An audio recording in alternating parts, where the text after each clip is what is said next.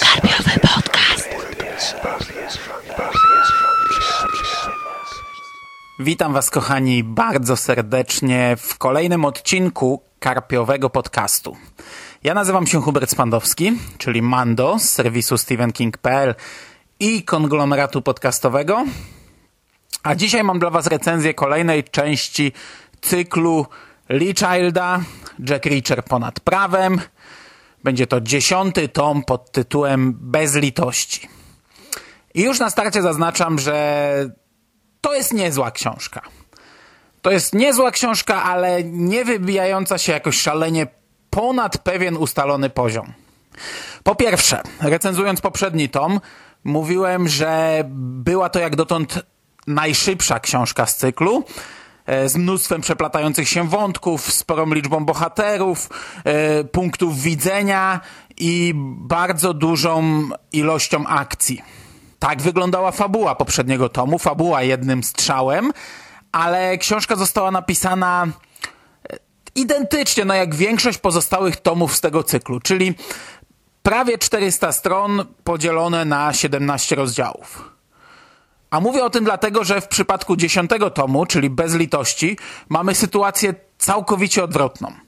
E, książka napisana jest w narracji trzecioosobowej, ale tylko dlatego, by, e, jak to często bywa, e, w kilku akapitach dosłownie pokazać wydarzenia z innego punktu widzenia. Z punktu widzenia porywaczy, czy z punktu widzenia napastników. Pozostała część książki, no czyli w zasadzie niemal cała książka, pokazuje nam wydarzenia w zasadzie z punktu widzenia Richera. I napisana jest w tempie takim jak wszystkie książki yy, z tego cyklu, które są w narracji pierwszoosobowej. Czyli wolno, krok po kroku maszerujemy przez kolejne punkty. A cóż jest tym takiego nietypowego, to podział na rozdziały. Pomimo tego, że jest to wolna, dość prosta opowieść, podzielona została na 77 rozdziałów. No tego jeszcze nie było. Książka ma 424 strony, przynajmniej te zadrukowane strony, odliczając tam to, co jest na początku i na końcu. No i podzielona została na 77 rozdziałów, a to daje nam 5,5 strony na rozdział, czyli średnio 2-3 kartki. Każdy rozdział rozpoczyna się w jednej trzeciej strony, a kończy no różnie, no średnio można uznać, że w połowie. Czyli pewnie jakieś 60-70 stron można odliczyć e, z objętości całego tomu. Do tego przy tak krótkich rozdziałach dochodzi e, zasada jeszcze jednego rozdziału.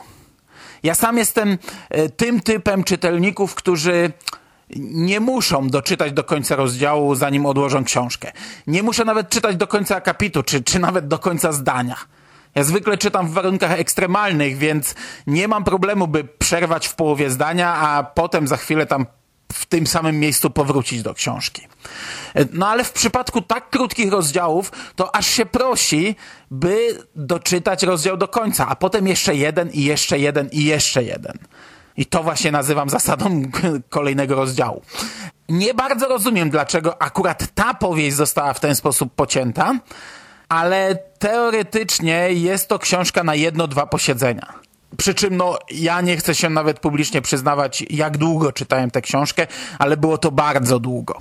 A dlaczego nie rozumiem zastosowania takiego zagrania w przypadku tego, akurat tego konkretnego tytułu? Ano dlatego, że ta książka ma nam do zaoferowania krótką, prostą historię. Przez większość tej książki bez jakiejś konkretnej akcji, a jedynie ograniczającą się do kilku dni prostego dochodzenia Richera, który odkrywa całą intrygę w zasadzie przypadkiem, bo jest to tak prosta intryga. Sam autor, chociaż sili się na różne twisty, to gdy do nich dochodzi, to albo czytelnik wpadł na to już dawno temu, albo odrzucił taki pomysł jako zbyt prosty i zbyt oczywisty. Plusem takiego podziału może być to, że autor zbyt długo nie trzyma e, danej informacji dla siebie, ponieważ większość tych rozdziałów stara się kończyć takim cliffhangerem. No wyobraźcie sobie, 77 rozdziałów, każdy po dwie, trzy strony i większość z nich stara się kończyć cliffhangerem. No. To, to nie jest dobrze napisane. Ale plus jest taki, że jeśli Richard już na coś wpadł ale y, autor przekazuje nam to tak, żebyśmy my jeszcze o tym nie wiedzieli. No i oczywiście cała banda idiotów otaczających Richera, nieważne, że są to na przykład byli agenci FBI, którzy no powinni być inteligentnymi bohaterami, ale oni nadal nie wiedzą i dyskutują z Richerem, który oczywiście ukrywa te informacje, e, ponieważ musi ją przekazać na sam koniec tej rozmowy jako cliffhanger na koniec rozdziału, a oni nadal nie wiedzą i nadal się dziwią, no bo w końcu wszyscy ludzie w koło są debilami, no to przynajmniej autor nie trzyma tej informacji, o, którym, którą my oczywiście znamy i wiemy o tym od początku e, rozdziału, czy nawet wcześniej, nie trzyma jej nie wiadomo jak długo, tylko plusem takiego podziału na tego typu rozdziały jest to, że bardzo szybko zdradza nam tę informację. Ogólnie bez spoilerów. Całość jest skonstruowana na takiej zasadzie co zwykle. Richard siedzi sobie i popija kawę. E, na marginesie, bo ja nigdy nie mówiłem o tym elemencie, ale jeśli jesteście nałogowymi kawoszami, tak jak ja, i jeśli podobnie jak ja i podobnie jak Richer chodzi wam bardziej o ilość niż o jakość, to podczas lektury tych książek będziecie pili jej jeszcze więcej, będziecie pili jej dwa razy więcej. Bo Richer wykorzystuje każdą wolną chwilę, by wypić kawę. Jeśli może wypić kawę, jeśli ma na to czas, to zawsze pije kawę i zawsze nam o tym mówi, o smaku tej kawy i jak on ją bardzo lubi. No a jeśli jesteście kawoszami tak jak ja, to w tym momencie idziecie z książką do kuchni i robicie sobie kolejną tego dnia kawę. No więc Richard pije kawę i wyjątkowo spędza drugi wieczór z rzędu w tej samej kawiarence, bo kawa tam serwowana wyjątkowo mu zasmakowała. Do kawiarni podjeżdża mężczyzna, pyta kelnera, który z klientów spędza drugi wieczór e, w tej kawiarni, nawiązuje kontakt z Richerem, zabiera go do swojego pracodawcy.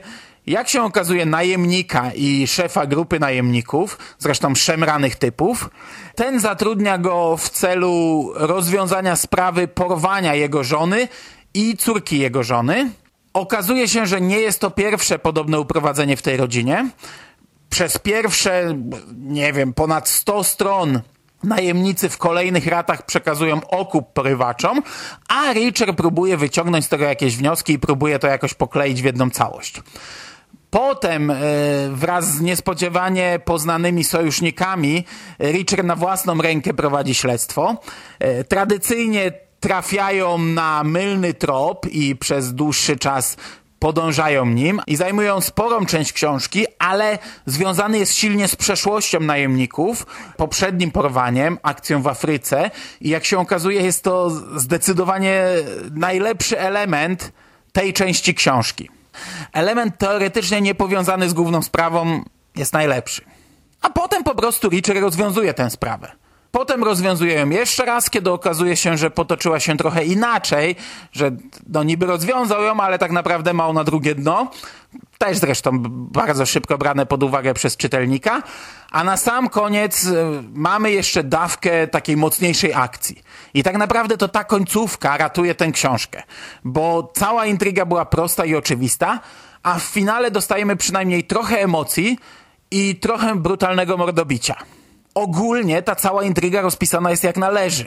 Child nie wyskakuje tam w pewnym momencie z niczym nowym, nie zmienia reguł, nie serwuje nam jakichś nienaturalnych zwrotów o 180 stopni, a po prostu łączy w jedną spójną, dobrze zaplanowaną całość, porozrzucane po całej książce tropy. I to wszystko się klei jak należy i to jest napisane dobrze. Problemem jest prostota całej opowieści, no, no i oczywistość poszczególnych rozwiązań tak czy inaczej to się ogólnie czyta dobrze. I, I, tak jak powiedziałem we wstępie, ta książka nie schodzi poniżej jakiegoś stałego, ale całkiem wysokiego poziomu tej serii.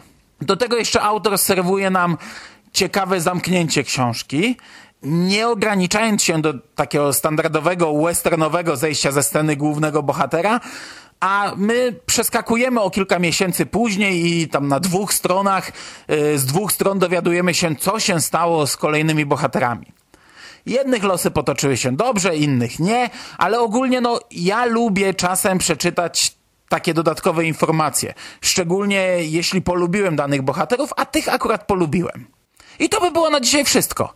Bez litości jest jak niezły, przeciętny odcinek dobrego serialu po 10 tomach, e, kiedy minęliśmy właśnie aktualny półmetek tego cyklu, To jak dla mnie jest wystarczające. Do usłyszenia niebawem. Trzymajcie się ciepło. Cześć!